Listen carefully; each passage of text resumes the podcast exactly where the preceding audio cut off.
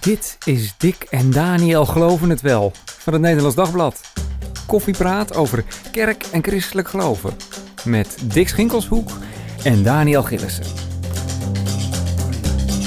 Leuk dat je luistert. Ik ben Daniel en uh, tegenover mij zit uh, zoals altijd Dick. Ja, helemaal. We gaan ons aan het begin van dit nieuwe jaar verdiepen in man-vrouw verhoudingen. En gender issues en homoseksualiteit.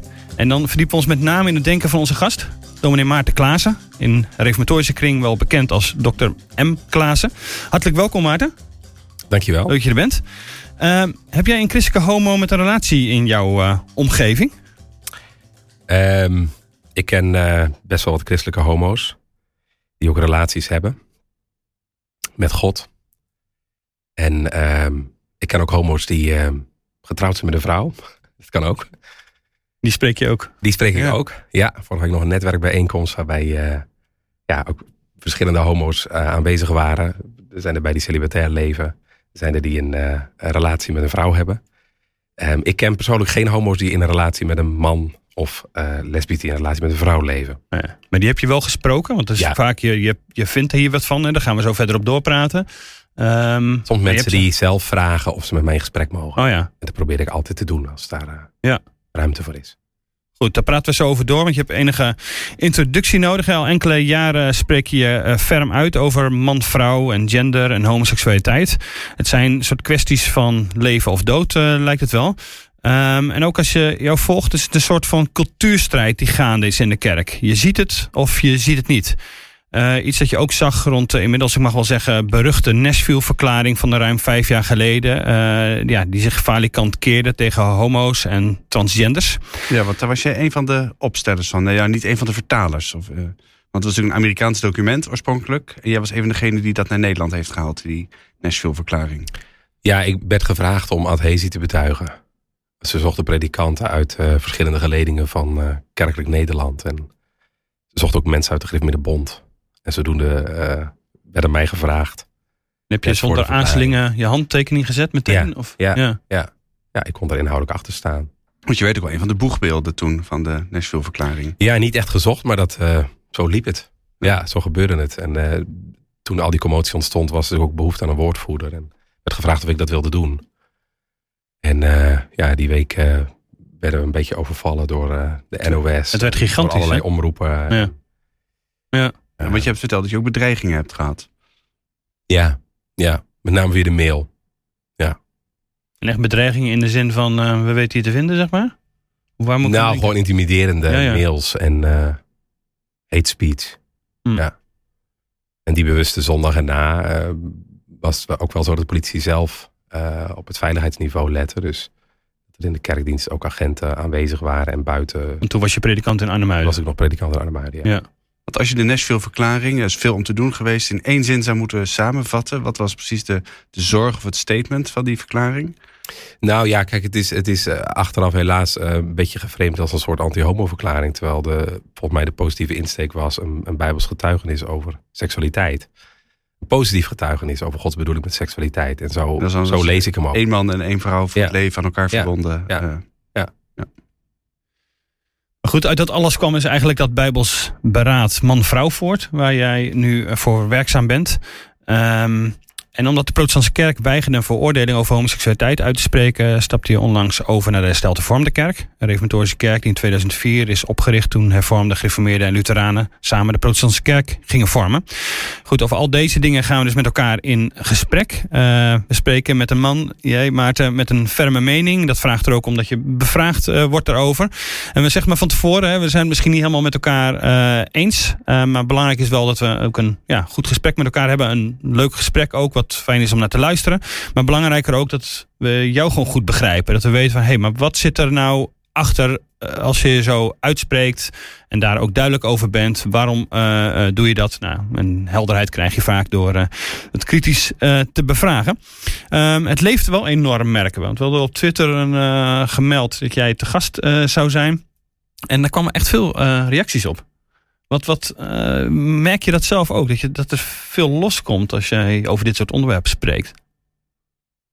Um, ja, dat wisselt. Kijk, het publiek waar ik meestal voor spreek, um, dat zijn mensen die het over het algemeen uh, denken in de lijn waar ik in denk. gewoon voor eigen Eh, parochie Dus dat is spreken voor eigen parochie, zo zou je het kunnen noemen inderdaad. Ehm, maar ja, ik merk natuurlijk ook wel dat het, dat het soms eh, forse tegenspraak oproept. Hè. Mhm. Ik heb dat eh, ook, ook binnen de kerk. Eh, ik, ik herinner me in 2019 rond de Nashville-verklaring... dat er collega's waren die niet naar de, de werkgemeenschap van predikanten wilden komen... omdat ik daar was. Ja, dat is gewoon de overleg soort, eh, predikanten, hè, die, waar je elkaar ontmoet en dingen uitwisselt. Dat er eerst dus een, nou, een soort bemiddelend gesprek nodig was... voordat, ik, voordat we weer bij elkaar konden komen. Dat, Mm. dat, dat geeft iets aan van ja, de heftigheid en de emotie blijkbaar die het oproept. Ja, want waar, Ja. waar komt die vandaan? Wel, Je zou kunnen zeggen, we, we zouden ook zo heftig over klimaat eh, met elkaar van mening kunnen verschillen. Maar daar, daar zie ik die gemoederen niet zo hoog oplopen. Waarom is het precies nou dit thema, het thema homo homoseksualiteit? Seksualiteit in het algemeen misschien, maar toch vooral homoseksualiteit. Ja, en ik zou dat ook breder willen trekken. Hè? Dus ook, ook, ook eh, genderdenken Ja. daarin mee willen nemen. Eh, ja, waarom is dat zo gevoelig? Omdat het eh, steeds meer een identiteitskwestie is geworden. Ja, leg dat eens ik, uit. ik, ik zeg altijd, kijk, in de 19e eeuw heb je de opkomst van de, van de psychologie en de, en de psychotherapie. Met grote belangstelling voor de menselijke seksualiteit. Ehm, en wat er dan eigenlijk verandert is dat eh, seksualiteit zo wezenlijk eh, wordt gezien voor het mens zijn. ehm, dat het iets van jezelf wordt. Ehm, ik zeg wel eens, hè, voor Freud, bekende Oostenrijkse psychiater, eh, was seksualiteit vooral iets wat je doet. Heeft te maken met gedrag, met gedragingen. En na Freud is seks iets eh, eh, wat je bent. Het zegt Ja. iets over jouzelf. Jouw En geaardheid. ja, ja, het- eh, over je diepste zelf, over je persoonlijkheid. En dat maakt het dus ook zo gevoelig. Want ehm, als iemand zegt ik ben homo of ik ben trans, wie ben jij om te zeggen eh, dat dat niet zo is? Of wie ben jij om daar überhaupt kritische vragen bij te stellen? Hè, eh, het, het raakt mensen dus in hun Mhm. ehm, diepste zijn. En dat is eigenlijk een vrij moderne, recente ontwikkeling hè, van de laatste 150 jaar. Maar die is inmiddels zo in de haarvaten van, van ons maatschappelijk denken geraakt. Dat eh, ja, bijna alles wat hierover gezegd, eh, hierover zegt gewoon gevoelig is. Omdat het ehm, ja, identiteitsgevoelig is. Maar zit dat bij. ehm, want het is iets van de, de laatste tijd, zeg je. eh, van de laatste 150 jaar, dat is al een behoorlijke tijd natuurlijk. Eh, is dat voor jou nog anders? Zou je dat graag anders hebben gezien? Dat eh, seksualiteit meer iets is, inderdaad, niet wat je zozeer bent, als wel wat je doet? Nou, kijk, seksualiteit is ook gewoon heel belangrijk. Het hoort bij ons mens zijn. Ja. Het is een belangrijk aspect van ons mens zijn. Ehm, maar het is niet het een en al. Het, mag er Mhm. zijn, het mag een rechtmatige plek in je leven hebben. Ehm, maar mijn moeite is wel dat het in onze cultuur zo uitvergroot is geworden. Dat de maatschappij eigenlijk zo verseksualiseerd is geworden. Dat ehm, voor heel veel mensen zo'n beetje het een en al is. Terwijl ik denk, ja, een mens is veel meer dan je seksualiteit. Hè? Het, het, het is een aspect van je mens zijn. Maar er is zoveel meer. Je creativiteit, eh, je gaven, je Mhm. talenten. Die Absoluut, maken ja. samen wie je bent. En dat- dat kan één ik stukje dus van je persoonlijkheid zo uitvergroten. En, en eh, dat dat je hele leven en dus je zijn en je identiteit beheerst. Daar heb ik moeite mee. En ik weet ook wel, kijk, dit is ontwikkeling ik, die we ook niet kunnen keren meer. Mm. Zo, zo zit de maatschappij in elkaar. Het, eh, Carl Truman heeft dat eh, heel indrukwekkend in zijn boek natuurlijk beschreven. The Rise and Triumph of the Modern Self. Hè, wat eh, pas hier eh, in Nederlands een samenvatting van is verschenen. Ja. Eh, waardoor je ook gaat begrijpen hoe, hoe komt het nu dat wij zo denken. En hij maakt heel mooi inzichtelijk. Hè? Eigenlijk sluimen dit al eeuwen in, in het Europese denken. Hè? Eh, eh, steeds grotere ehm, toename van het belang van het individu. Hè? Dus eh, groeiend individualisme door de verlichting en door de romantiek. Bij de verlichting is het dan ehm, ik denk dus ik ben. De romantiek is het ik voel dus ik ben. Ja, Mhm. ja, ehm, eh, je gevoel wordt heel belangrijk. Maar ehm, onze cultuur wordt dus heel, heel erg eh, gekenmerkt door een heel sterk individualisme. Ehm, nou, combineer dat met die seksualisering die in de 19e eeuw ontstaan is. En je hebt de basisingrediënten voor wat er in de 20e eeuw gebeurt in de seksuele revolutie. Hè? Een uitgesproken individualisme. Waarbij eh, het gevoel ontstaat, je moet kunnen zijn die je bent. Je moet, eh, en, en je moet niet alleen kunnen zijn die je bent, maar je moet er ook naar kunnen leven. Dus je moet ook de ruimte hebben om die expressie te tonen. Dus het gaat er niet alleen maar om dat ik Mm. homo mag zijn, maar dat ik ook echt homo mag, als homo mag leven. Hè? Eh, of als homo kan trouwen. Het, het gaat er niet alleen om dat ik trans mag zijn, maar ook dat ik Ik ja, de keuze daarbij mag maken. geven. Hè? Ja, ja. noemt dat expressief individualisme. Dus dat is niet alleen individualisme, maar ook eh, individualisme dat de ruimte vraagt om zich ook echt te uiten. ehm, in, in, in dit maatschappelijk veld, zeg maar. Ehm, nou ja, die, die, die elementen samen, hè, dus dat, dat, dat, dat uitgesproken expressief individualisme, gecombineerd met die seksualisering van de samenleving, eh, zorgt ervoor dat we nu zitten waar we nu zijn. En dat maakt dit zo'n gevoelig issue. Maar nu, uh, ik wil zeggen, ik, ik volg je heel goed. Tegelijk vind ik ook dat je een paar dingen wel heel uh, snel naast elkaar zit. Kijk, die individualisering, daarvan kun je natuurlijk zeggen, die was broodnodig. Uh, misschien was het ook wel heel goed dat een mens op een bepaalde manier uit, uit, een, uit een vorm van onmondigheid werd, werd bevrijd. Dat mensen meer zijn dan alleen een onderdeel van, van een collectief. Uh, en daarbij, kijk, wat je zegt, uh, je, je kunt ook zeggen, we hebben op een gegeven moment ontdekt dat seksualiteit veel dieper zit dan alleen iets wat je doet. Dat het ook echt met je wezen te maken heeft. Je kunt ook zeggen dat is een moderne ontwikkeling, moderne inzicht. Ik denk dat je daarin gelijk hebt, historisch gezien. Uh, maar je kunt ook zeggen dat, dat we hebben meer ontdekt hoe mensen in elkaar zitten dan, dan vroeger. en daarbij, die seksualisering heeft daar niet noodzakelijk mee te maken we, we, we, hebben kunnen ontdekken dat mensen dat seksualiteit heel diep zit bij mensen. Maar dat staat nog los op zichzelf van de ontwikkeling dat, dat seks zo ontzettend belangrijk is geworden in de maatschappij bijvoorbeeld. Dat, dat, dat, dat zijn toch geen ontwikkelingen die, uh, die je op één hoop kunt gooien. Maar dat zijn parallele ontwikkelingen. Ja, maar die dus wel een bepaalde cocktail vormen. En die elkaar versterken ook. Oké, maar, je kunt niet, eh, maar je kunt niet zeggen dat omdat de, alles in de samenleving toch om seks is gaan draaien, even heel plat gezegd, dat, daarom, uh, dat we daarom ineens zijn ontdekt hebben dat homoseksualiteit een geaardheid is. Nee, dat, zijn twee, nee, dat zijn twee parallele ontwikkelingen, los daarvan. Ja, ja. ja daar ben ik wel met je eens. Maar je zegt eigenlijk uh, ook van het is, een, het is iets wat niet meer te keren is, hè? Zeg je. Dus eigenlijk, terwijl het wel iets is waar je dan enorm op richt. De ene kant zei van, het is dit zo in, eh, in de haarvaten terechtgekomen. Ja, daar valt misschien ook niet zo heel veel meer aan te doen. Of zie je dat toch anders? Nee, maar dat, dat, dat zou ik een, een vorm van defetisme vinden. Gelatenheid. Van, er zijn wel heel veel ontwikkelingen waar, uh, waar je als christen uh, moeite mee kunt hebben of vraagtekens bij hebt. Waar we ons er ook niet gelaten bij, bij neerleggen. Dus uh, iets van een counterculture vind ik op dit, op dit punt dan ook wel belangrijk. Ja. Van, zijn we ook als christen ons niet te veel, hebben ons niet te veel mee laten nemen in dat, ehm, nou, in, in dat hele denken wat ik net schets. Hè? Um, Truman zegt heel terecht, seksuele revolutie is niet iets wat daar in de wereld mm -hmm. afspeelt, maar ook gewoon volop ja, precies. Want hoe raakt dat jou zelf dan inderdaad? Ik kan me voorstellen dat dat ook, dat je dan zelf ook moet ontdekken van oké, maar hoe zit ik er dan zelf in? En wat betekent um, uh, mijn seksualiteit dan voor mijn identiteit? Uh, en hoe, hou je, hoe geef je daar dan, dan zelf, hoe kun je daar zelf dan vorm aan geven? Nou ja, ik, ik heb daar me nooit heel diepgaand mee bezig gehouden. Totdat je um, zelf uh, door studie, door ook je mm. pastorale werk. Hè, je, je, ontmoet LHBT'ers in je, in je pastoraat. Word je gedwongen om over deze vragen na te denken. Ja. Dus dat lag niet zozeer bij mijzelf. Um, maar wel door wat ik uh, in het ja. gesprek met anderen tegenkwam. Maar is dat niet precies een beetje het punt? Dat wij, wij zitten hier als drie uh, hetero mannen te praten over homoseksualiteit, over vrouwen, gender issues. Waar we zelf uh, makkelijk over kunnen babbelen. We hoeven ons niet mee bezig te houden, omdat wij de, de maatstaf zijn der, der dingen. Ja, ik, ik, ik, ik denk ook dat het goed is om jezelf daar kritisch op te bevragen. Tegelijkertijd, um, als predikant ben ik heel vaak genoodzaakt me tot vraagstukken of dingen te verhouden. die misschien niet mij direct raken. Mm -hmm. um, armoedethematiek of je visie op slavernij. Dat raakt mij niet per se nu direct. Maar uh, als christen ben je wel vaker geroepen om op bepaalde uh, uh, thema's een, een, een, visie te ontwikkelen. Ja. Um, kijk, dat is ook wel een heel een stukje sensitiviteit van deze tijd. Hè? Van, mm. je mag als, als blanke man bijna niks meer zeggen over mensen met een donkere huidskleur of over slavernijverleden.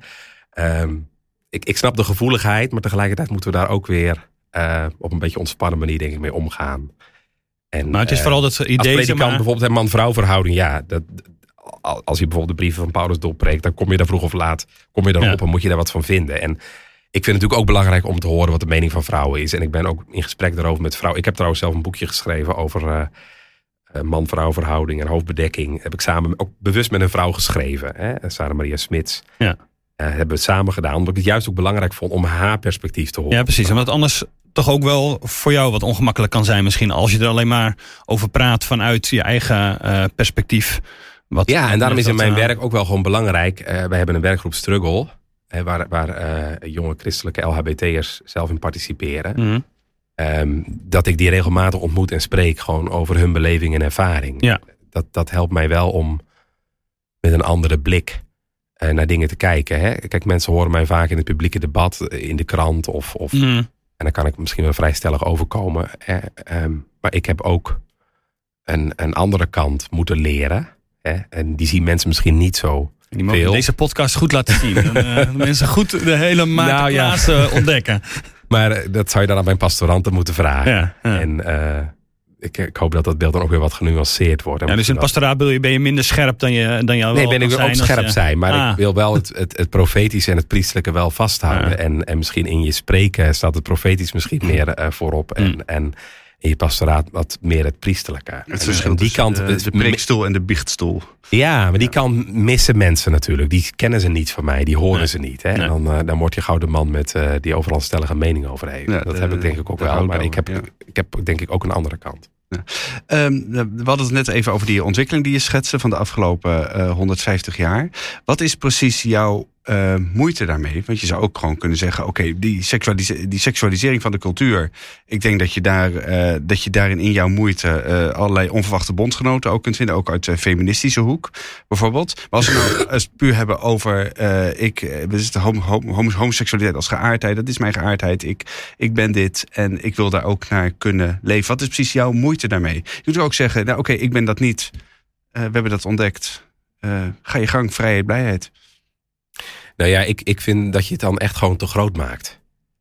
Ehm, Wat, maar wat dat is grappig dat jij het- dat vindt dat het te groot gemaakt wordt. Maar nou ja, ga verder. nee, maar überhaupt al je woordkeuze nu. Hè? Je Ah, ja. gebruikt nu het woord geaardheid. Dat zou ik dus niet gebruiken. Nee, dat, Hmm. dat, dat gevoel had ik Ah. al. Ja. Hè, de- ik vind dat veel te statisch. Ik vind dat eh, te gedetermineerd. Van eh, ja, zo ben je en dat, eh, dat ligt voor eeuwig vast.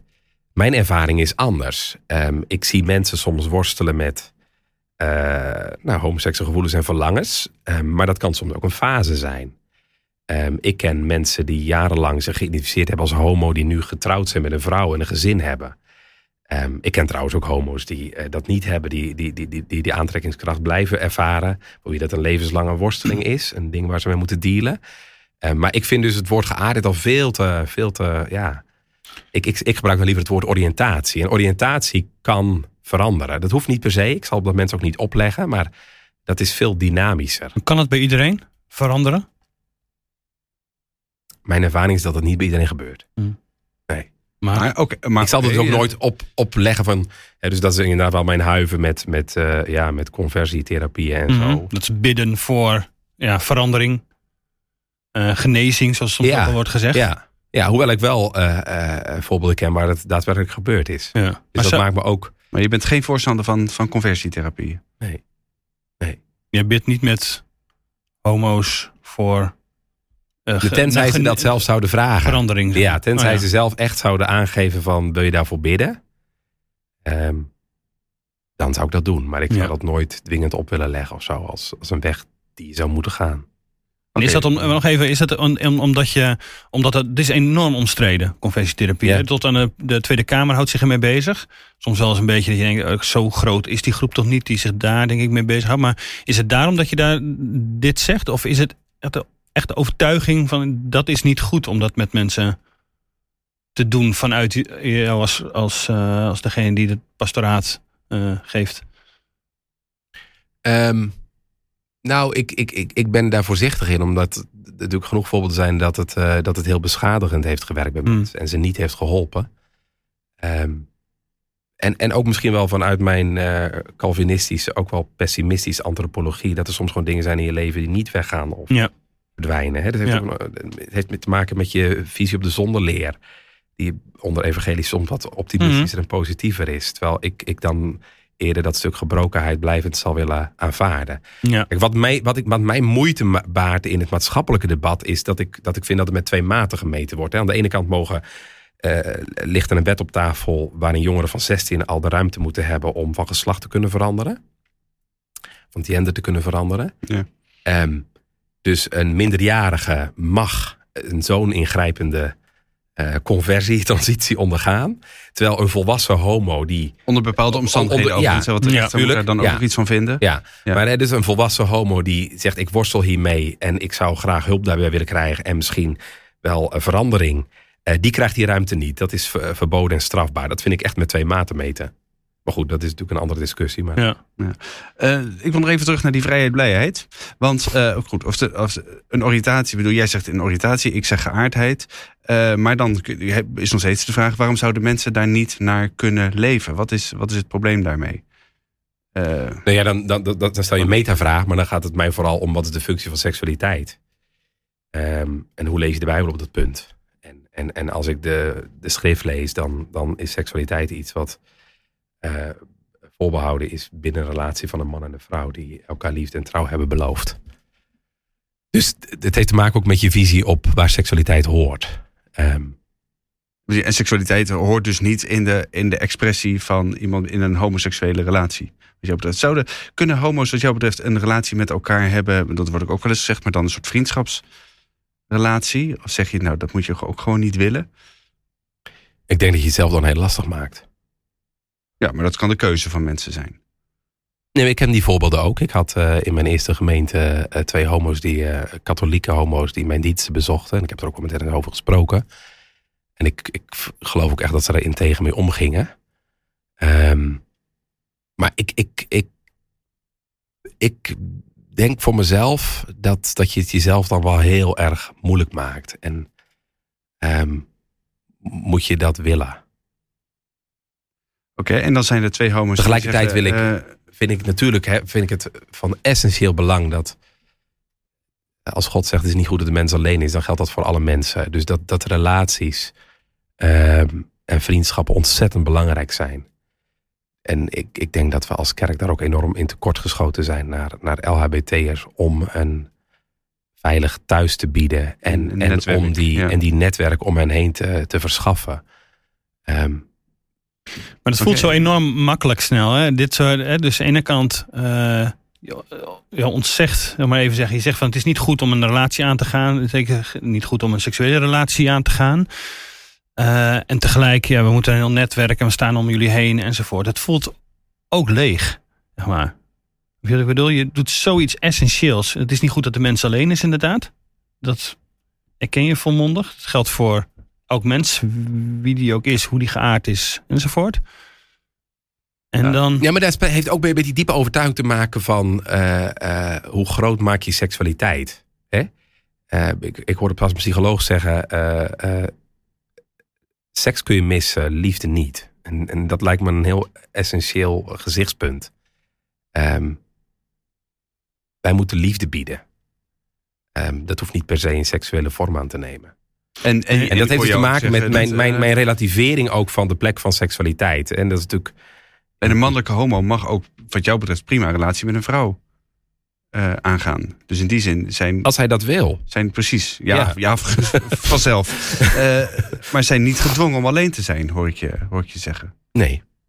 Je kunt prima gewoon, er zit een, een, hetero, een hetero huwelijk. Ja, hoe zeg Ja, je het, dat? het, kan- het kan prima in, de, in, in theoretische zin, zeg maar.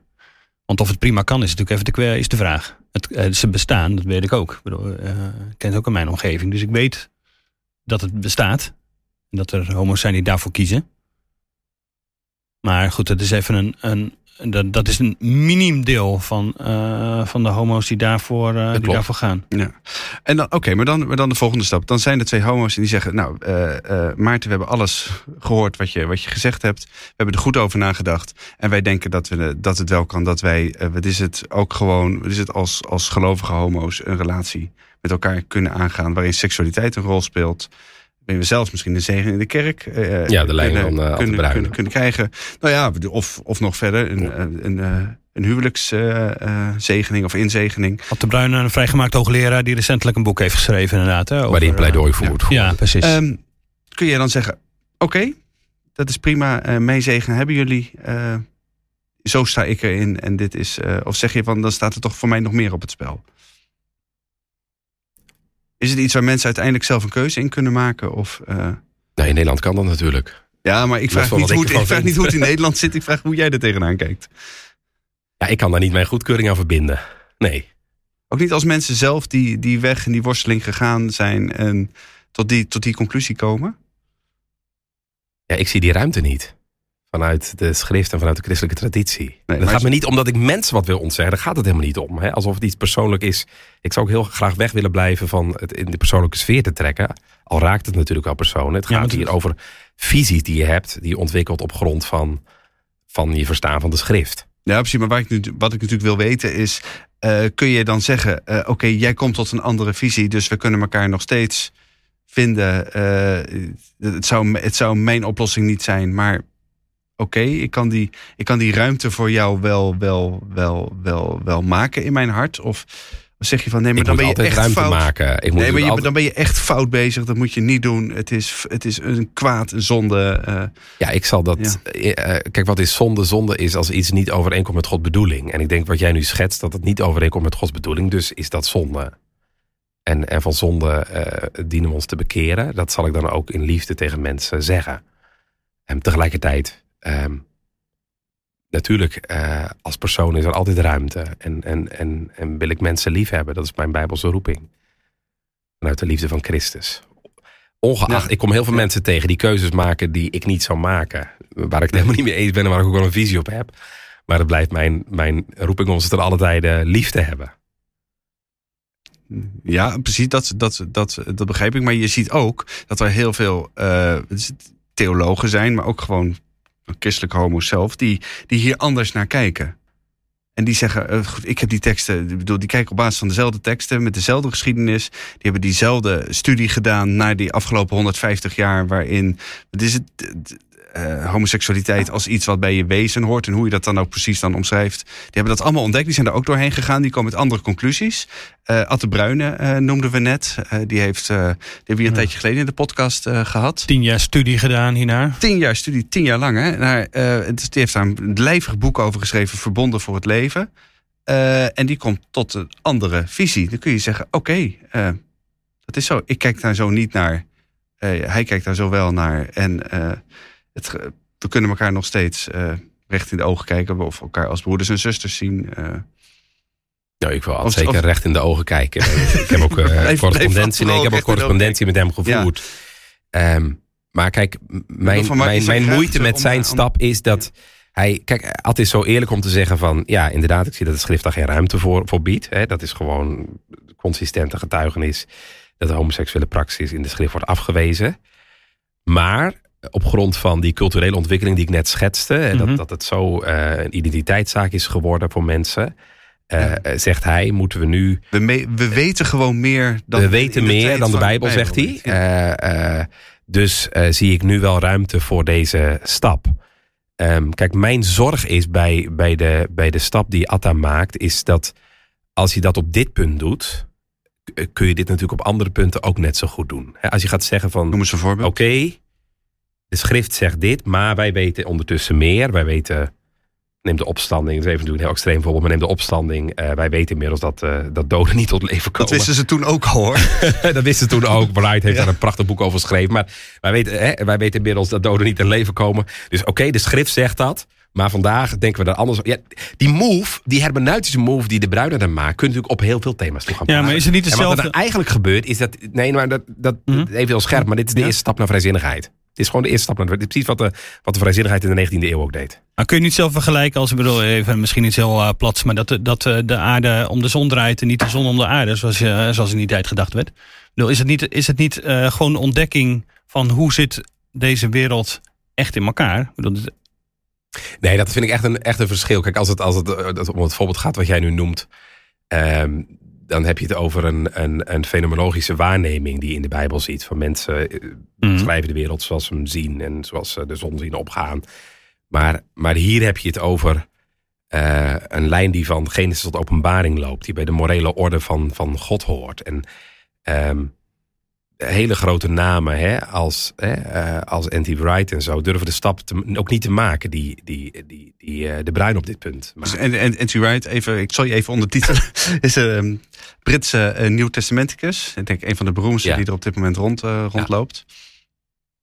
En, en, en jij zegt van, maar die kan dat niet, want de, de, het Nieuwe Testament, wat, wat de Bruine ook zegt, is eigenlijk volstrekt helder over als het gaat om de, de homoseksuele daad. Ja, kijk, en de nieuwe stap die de Bruine zet is, uh, en daar beroept hij zich ook op wel op Wright en op Van Hoser, is dat hij zegt van, um, hè, uh, de, de, God laat ons een stuk ruimte voor improvisatie, als het gaat over ethiek. Hè, we moeten uh, nieuwe wegen vinden in, in andere tijden. Ja, het is um, logisch dat ze alle nieuwe ontwikkelingen... Nou ja, ja, tot op zekere hoogte moet dat denk ik ook. Um, en, en, en, en mag je daar ook een stuk creativiteit bij gebruiken. Maar ik zie ook dat Van Hoser en Wright de stap die hij maakt op dit punt beslist niet maken. Um, dus blijkbaar zo uh, ingrijpend vinden dat ze deze move, deze improvisatie daar geen ruimte voor zien. Okay. Maar tegelijkertijd is, is toch, uh, je, jij maakt de vergelijking met de opstanding. Dat is ook iets van een heel andere orde. Dit gaat over, over ethiek, het andere gaat over de kern van het christelijk geloof. Ik vind daar nog wel verschillen tussen zitten. Ja, dat, dat is natuurlijk net hoe je dit weegt en waardeert. Hè? Uh, nou, ik, ik luister naar jou. Misschien moeten we seksualiteit gewoon niet te groot maken. Hè, de, de Bruine zegt inderdaad van... Uh, op dit punt zouden verschillende visies in de kerk mogen bestaan. Ja. Naast elkaar. Um, als we elkaar in de kern maar vinden. Jezus Christus en die gekruisigd. Dat is de kern van ons geloof. En, um, dat is mooi, toch? Daar ben ik uh, van harte met hem eens. Maar, maar, maar ik, ik, ik zie niet die uh, ethische uh, ruimte die hij ziet. Want volgens mij hoort dat echt bij de, bij de Paranese van het Nieuw Testament. Uh, Want is het inderdaad, zoals je het schetst op veel momenten, is het dat het een soort ja, een zaak van leven en dood is, hoe je op dit ethisch terrein denkt? He, voor mij heb je altijd de Bruin ook, het is een soort, dat soort levensgevaarlijk is de weg die hij gaat. Om, en ik citeer, gesteund door uw argument zullen mensen het woord van God laten vallen, met als gevolg dat ze Gods koninkrijk niet binnen kunnen gaan. Ja, dat, dat is toch wat Paulus zegt in 1 Korinthe 6? Dat zijn nogal ja, dat zijn, uh, heftige dat zijn woorden. Om die, om, ja, is, is dat verschuilen of is het... Want je spreekt ze zelf zeg maar uit. Je zegt van nee, maar dit is dus als je deze weg gaat van de bruine... En mensen, uh, je laat mensen. Ik ben ervan overtuigd dat als je, als je volhardt in de homoseksuele praxis, dat je daardoor het koninkrijk van God niet kunt binnengaan. Dus dat staat hmm. voor mij op het spel ook. En daarom um, uh, weegt dit zo zwaar. En heb ik die brief ook aan de Bruine geschreven. Van um, ja, wat een enorme verantwoordelijkheid je als, als gezicht in een kerk, als, als leidinggevende, als hoogleraar, naar wie geluisterd wordt, je op je neemt. Ik heb op de studiedag mm -hmm. ook aan hem gevraagd, in, in eerlijkheid, van was het gezien dit gewicht misschien niet beter geweest om het boek niet te publiceren?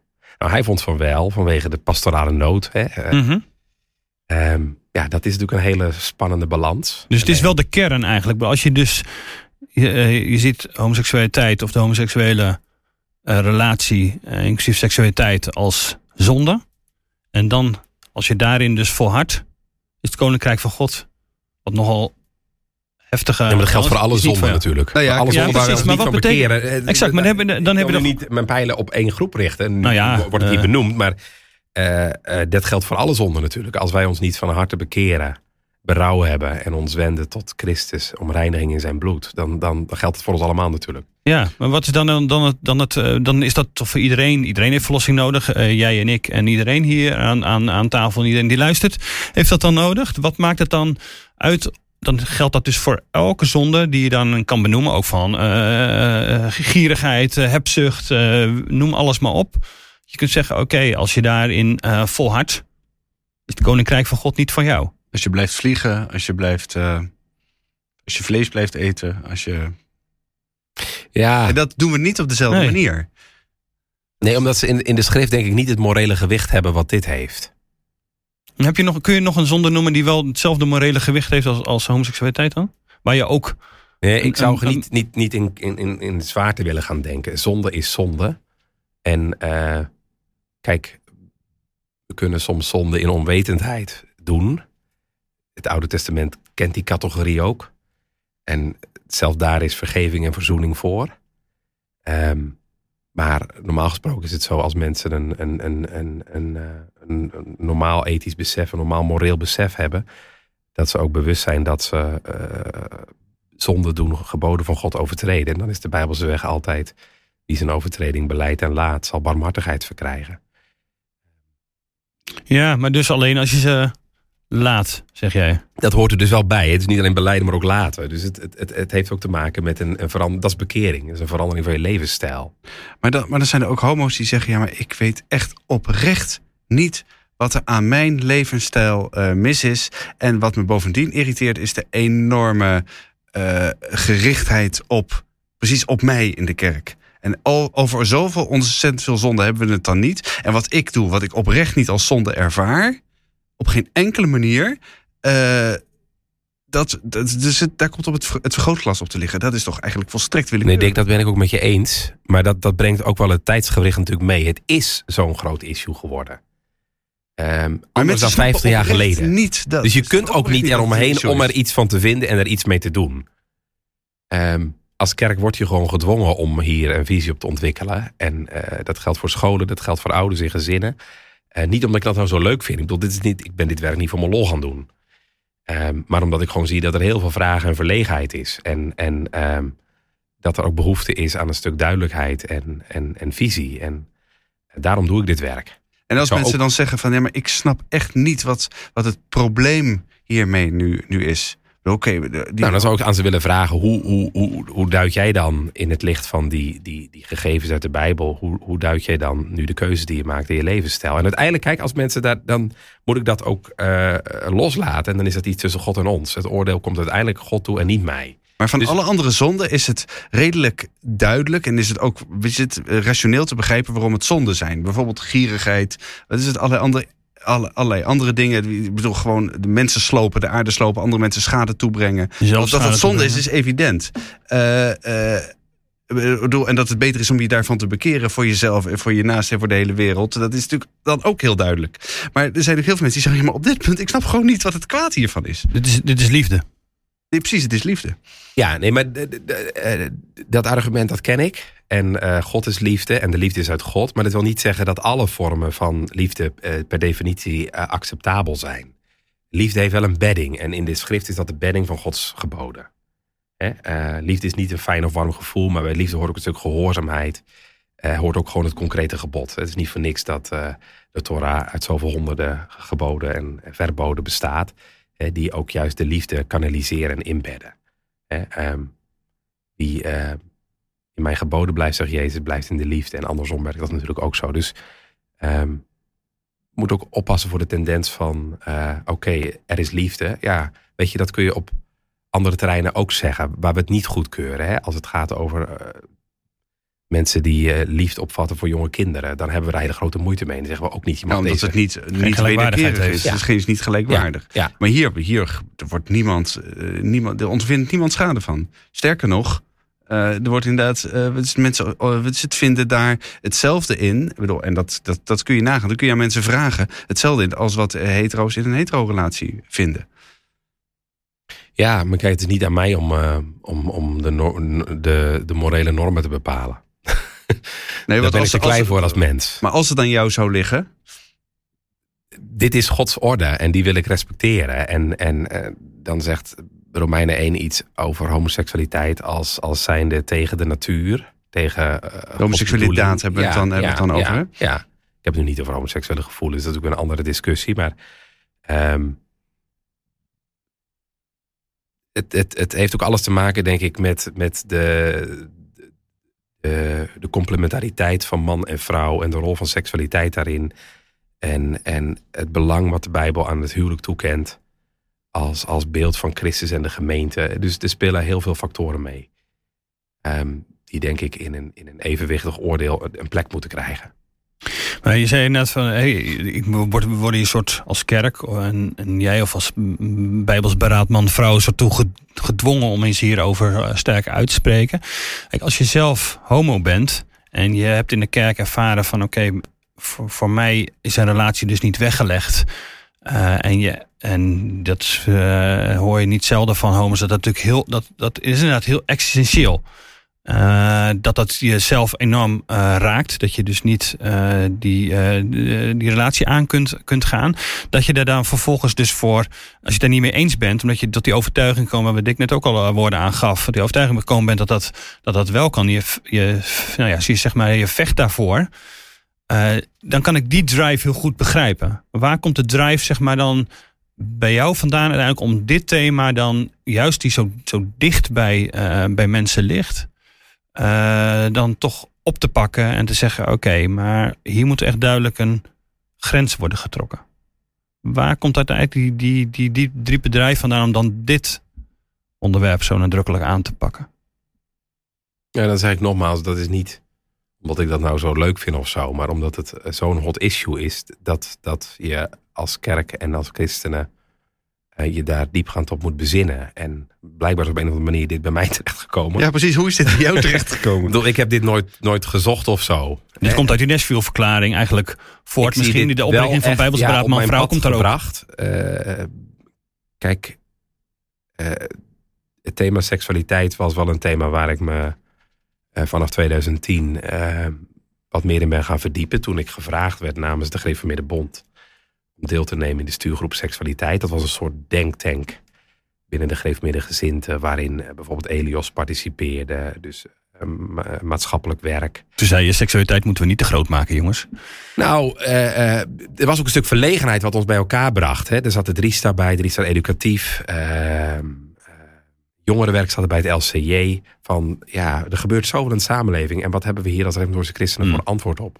Hoe moeten we onze jongeren hierin helpen en begeleiden? Dus ik ben gevraagd en eh, ik heb dat gedaan. En Ja. ja. hoe gaat dat dan? Dan ga je in het thema verdiepen en je schrijft dus een artikel en eh, je houdt dus een gemeenteavond voor je voor en op een gegeven moment krijg je een bepaalde bekendheid. En Mm. ja, zo, Dan, zo eh, is, ben ik erin gerold ja, het eigenlijk. Het is wordt nog ook wel eens op de, op de, nou ja, ik kan wel zeggen, op de man gespeeld bij jou. Van ja, die obsessie daarmee. eh, wat zegt dat eh, over jou? Je bent er zoveel mee bezig. Eh, eh, wil je zelf iets eh, verhullen? Verhullen, ja. ja die eh, vraag, ik kreeg vorig jaar een mail van een, eh, van een psycholoog die zei, maar eh, ik, Ja. ik heb al door hoe het zit. Bent Echt zelf- Het is gewoon zelf de verdrongen homoseksualiteit bij jou. Ja. Vandaar dat je zo obsessief hiermee bezig bent. Nou, Ja. Ik heb toen nog honderd andere dingen. Ik heb 16 jaar de gemeente gediend en dan ben je door de week gewoon echt met hele andere dingen bezig. Dan onderwijs je jongeren en je bereidt preken voor. En Ja. je bezoekt 50-jarigen of mensen die 50 jaar getrouwd zijn. En denk je helemaal niet aan dit thema na. Ja. Dus ehm, nee, ja, ik, kan, eh, ik, ik kan alleen maar zeggen dat ik eh, me heel heteroseksueel voel. Ja, want ik moest En even denken me- aan, aan ik Ted. moet wel een beetje lachen om die verklaring. Dat is een soort eh, Freudiaanse Ja, ja, precies. Het is niet zo gek natuurlijk. bedringmechanisme of zo. En ik moest Nee. even denken aan Ted Haggard, die een Amerikaanse dominee die in 2006 er ook heel stellig over homoseksualiteit uitliet en vervolgens werd betrapt met mannelijke eh prostituee. Dacht ik, hey, eh, dat, dat roept het dan op op het moment dat mensen dus inderdaad, eh ik denk toch iets Freudiaans inderdaad, ja. Maar Ja, dat is niet zo heel gek, toch? ik, eh, ik kan alleen maar met een beetje zelfkennis wat ik heb zeggen dat dat niet aan de orde is. Ja. Ja. Nee, Ja. Ik wil zeggen, je moet, je moet lachen om die vraag. Maar dat, ik kan me ook voorstellen dat je hem onaangenaam vindt. Of valt Nee, dat mee? nee, ik vind hem echt. Ik vind hem, nee, ik, ik, ik kan het me ergens wel eh, voorstellen dat, dat mensen dat denken. Maar ik, ik vind het eerder hilarisch dan dat ik me erdoor gekwetst voel of zo. Ja. Oké. En al zou het zo zijn, ja, dan. eh, Ja, precies. Al zou het zo zijn. ja. Wat is dan het probleem? Nee, maar dan heb je misschien meer recht van spreken. In die zin dat je dat. Ik vind het eh, nogal ongemakkelijk, nog weer om als heteromannen hier lekker over te praten. Omdat het, omdat het ons veel minder aangaat. Het is veel makkelijker om wat van te vinden. Je gaat lekker weer vrolijk naar huis en dan zit, eh, zit eh, je vrouw is thuis enzovoort. Het is, ah, je hebt een gezin, dat is toch anders dan als je, als je, homo, als je homo bent. En je, ja, dat, die weg wordt door. Eh, eh, wordt voor je afgesneden, zeg maar. Eh, en waar je ook nog over kunt twisten van is dat de meest, is dat inderdaad de, de enige Bijbelse uitleg? En daar zit, dat wringt gewoon.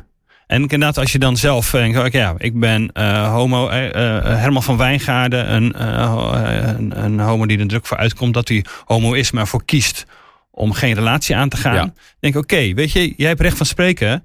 Vertel je verhaal. Leg uit waarom je dit eh, doet. En waarom je dit belangrijk vindt. En waarom dit voor jou een keuze is. En die respecteer ik ben, ja, vind ik bijzonder dat, dat hij dat, eh, dat hij zo zijn verhaal vertelt. Ja, maar goed, dan kom je weer op het Ja. eerdere punt terug van eh, als je dat, dat doortrekt, dan zou je dus alleen maar over issues mogen spreken als je zelf slachtoffer bent of participant in het, in het debat. En dat heeft Nou, met te maken. Misschien Tuurlijk, ik dan, denk ook eh, wel echt dat het bent. inderdaad... Ik snap je gevoeligheid en daarom denk ik dat het verhaal van Herman veel krachtiger is dan dat van mij.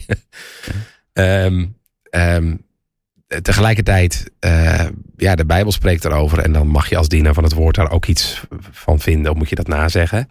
En bovendien is dit ook maar een heel klein stukje van mijn werk. Hè. We zitten nu heel erg over homoseksualiteit te praten, maar ik, eh, ik hou ook avonden over het huwelijk en over relaties. En ehm, dat is ook gewoon een heel belangrijk onderdeel van mijn werk. Hè? Want je bent inderdaad voor de Bijbels Beraad Man-Vrouw eh, werkzaam.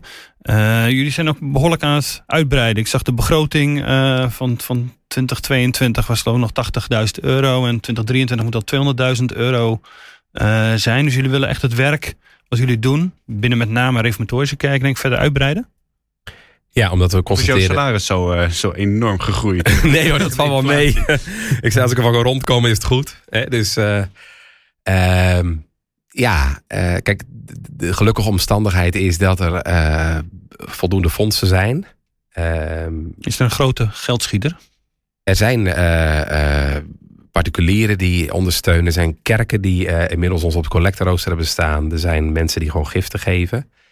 Um, dus ja, ik, ik, ik ik kijk niet in het boekje van de penningmeester natuurlijk, maar ehm, we zijn een groeiende organisatie. Ja. we, uh, we, zijn inmiddels hebben we vier mensen in dienst die voor Bijbelsberaad werken. En uh, wat we ook zien is dat er heel veel deuren, steeds meer deuren open gaan. Hè. Um, is dat voor een reformatorische kring wel? Of zie je al breder dat er wel belangstelling is voor? Waar ook wel in, in, in behoudende evangelische oh, ja. kringen. Ja. Ja. ja, daar komen we ook wel. Um, maar ik, ik geef bijvoorbeeld toerusting op uh, voor docenten van, van reformatorische scholen. Ik heb pas een cursus verzorgd op het Hoornbeek voor docenten. Uh, maar het kan ook. Van week had ik een visieochtend met maatschappelijk werkers in de gereformeerde gezinten. Ehm, het, het, kunnen gemeenteavonden zijn. Ja. Het kan een opening van een categorisatieseizoen zijn. ik had pas een jongerenavond in Lunteren komt echt van alles. Van alles, ja. En dat gaat dan nadrukkelijker nog om de man-vrouw verhoudingen. Is dat ook, hè, uh, positie van vrouw is ook iets waar je, waar je veel over... Uh, nou, wat mensen vragen. Dus als, uh, ik, ik, merk dat de meeste vragen liggen op het moment echt op het thema LHBT. Oh ja. Maar het kan ook een, een avond zijn over huwelijk of over, ik heb pas een kesteren. Maar het is niet bijbels beraad LHBT? Nee, het is bij Beraad en ja, dus het hele veld van, van huwelijk, relaties, seksualiteit en LHBT. En ja, toevallig, maar dat heeft natuurlijk met hele maatschappelijke context te maken, ligt de focus hmm. vaak bij LHBT, maar wij doen veel meer. Ja.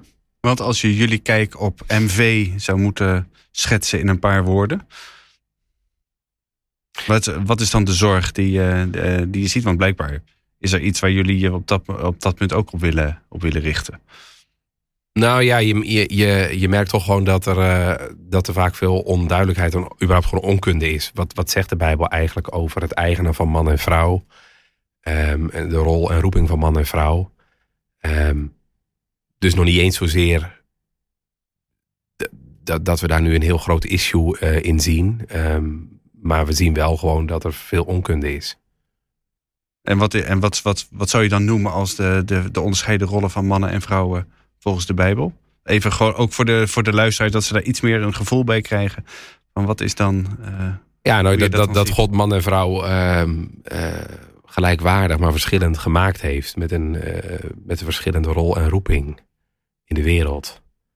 Um, en dat het van belang is dat we in, in het christelijke leven en in de christelijke gemeente dat, dat respecteren en ons leven daarnaar inrichten. Als bijvoorbeeld vrouwen zijn, uh, wat jou, wat jullie betreft, bijvoorbeeld niet, niet geroepen om in een kerkdienst voor te gaan. Ja, ik probeer het maar even, praktisch, Ik probeer het maar even praktisch te maken. Met zo'n nee, dat is een van de aspecten, ja. ja. En niet omdat een vrouw dat niet zou kunnen, maar omdat... En buiten de deur werken bijvoorbeeld?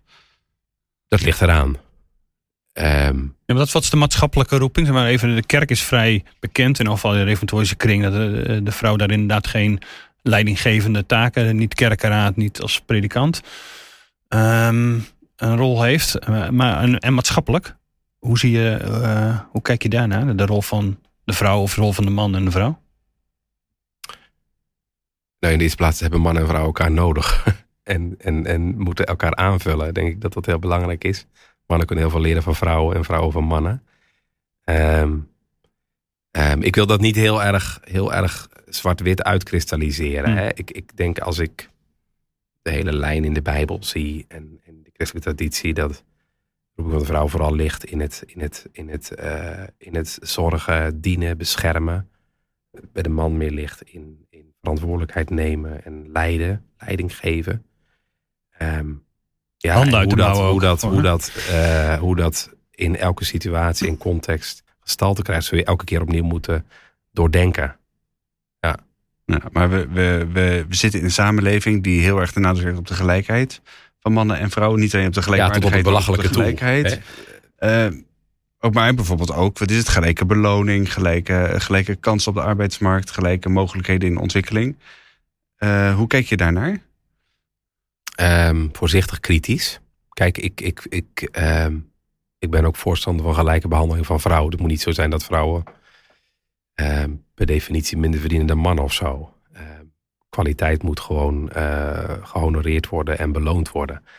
Andersom hè, vind ik het ook wel heel ver doorschieten als op de, de TU Enschede, eh, TU Twente pas eh, beleid heeft aangenomen van dat bepaalde vacatures eh, vrouwen eerst worden aangenomen en pas als er een half jaar nog niemand gevonden is, eh, kan desnoods een man in aanmerking komen. Dan denk ik, ja, eh, doe nou niet zo moeilijk. Eh, accepteer ook gewoon dat eh, techniek misschien ook iets meer is wat mannen leuk vinden.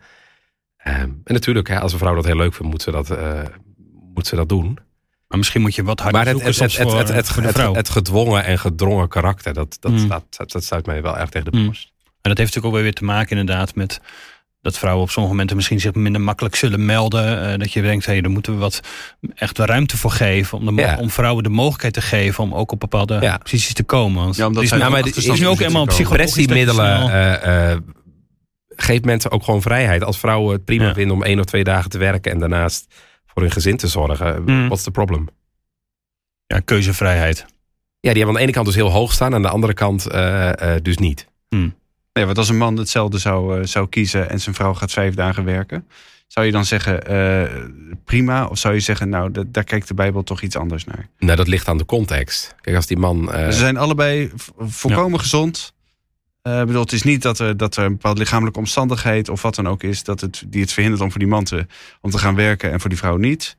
Die vrouw gaat vijf dagen werken, gaat carrière maken en die man blijft thuis bij de kinderen. nee, dat zou, dat zou niet mijn voorkeur hebben, nee. Waarom niet? Nee. Nou, omdat dat nou inderdaad mij niet in lijn lijkt te liggen met de Bijbelse roeping van man en vrouw. Betekent dat inderdaad dat vrouwen, denk je, beter voor kinderen kunnen zorgen dan mannen? Is dat het? Dat zeg ik nog niet eens. Ik denk dat er heel veel mannen zijn die uitstekend voor hun kinderen kunnen zorgen. Ehm, maar over het algemeen denk ik wel dat, als ik tenminste naar mijn eigen vrouw kijk, zie ik dat zij meer kwaliteit op dit gebied heeft dan ik. Ja. Ja, maar dat kan ook aan jou liggen natuurlijk. Dat, eh, zeker, ja, nee, dat is, wij steken helemaal de hand in eigen boezem. Nee. Nee, precies. Ja. Maar, dat is, Maar we doen het ook echt dat- samen. We Ja, doen het precies. wel Maar samen. het maakt dan niet wij hebben er uit. altijd voor gekozen. Kijk, mijn vrouw is, heeft ook eh, eh, VWO gedaan. Heeft, een, heeft Ja. een hele goede opleiding gehad. Maar heeft er toch voor gekozen. Dat had ook te maken met het feit dat ik predikant was. Dus dat maakt het ook bijna onmogelijk om te werken. Ja, omdat je altijd uh, hebt aanstond. Heel eh, wisselend eh, eh, werk. Je bent s'avonds, uh, je hebt geen vaste tijden. Je bent s'avonds vaak weg. Um, dus wij hebben er echt voor gekozen om, uh, om het zo te doen. En dat werkt prima. Daardoor kan ik ook gewoon... Kon ik En ook zo te doen mijn- bedoel je dat jouw vrouw niet, niet werkt? niet werkte Nee. en, en echt de zorg voor het gezin had. Daardoor kon ik optimaal mijn, mijn werk als predikant Had doen. of heeft. Is het... Uh... Dat nog steeds zo. Ja, precies. Ja. ja. Maar kijk, het sluit niet uit. uh, over een aantal jaren de kinderen wat, uh, wat ouder zijn. Ja. Dat ze ja, de kwaliteit die ze heeft. En die heeft ze uh, ook, ja. ook gebruikt in benut. Ja, precies. Maar los van die kwaliteit is het dus ook gewoon... Uh, dit is wel wat de Bijbel als lijn schetst. Dat, dat het beter is dat de vrouw zorgt en de man uh, werkt ik, buitenshuis ja. en voor het inkomen zorgt. Ja. Nou, want we hadden nou, een paar maanden geleden hier in de podcast hadden wij Marjolein Koster. Die uh, vertelde hoe op haar uh, reformatorische middelbare school uh, vrouwen zeer werd aangemoedigd om, om, uh, om VWO te gaan doen als ze dat konden. Maar dat er ook tegelijk wel, als ze dan bij vervolgonderwijs, als, als die vraag dan op tafel kwam, toch wel werden afgeremd. Ja, maar wacht eventjes, je kunt wel carrière gaan maken, maar je plaats zal toch in de eerste plaats in het gezin liggen. En dat op die manier ook heel veel talenten van meisjes ook bij voorbaat wat minder hoog stonden aangeschreven. Dat wat minder werden gestimuleerd om hun, om hun de, de, de talenten die ze hebben gekregen, om die te ontwikkelen, dan dat bij jongens het geval was. Dat, bedoel, dat lijkt me toch geen goede ontwikkeling. Het zijn dezelfde talenten.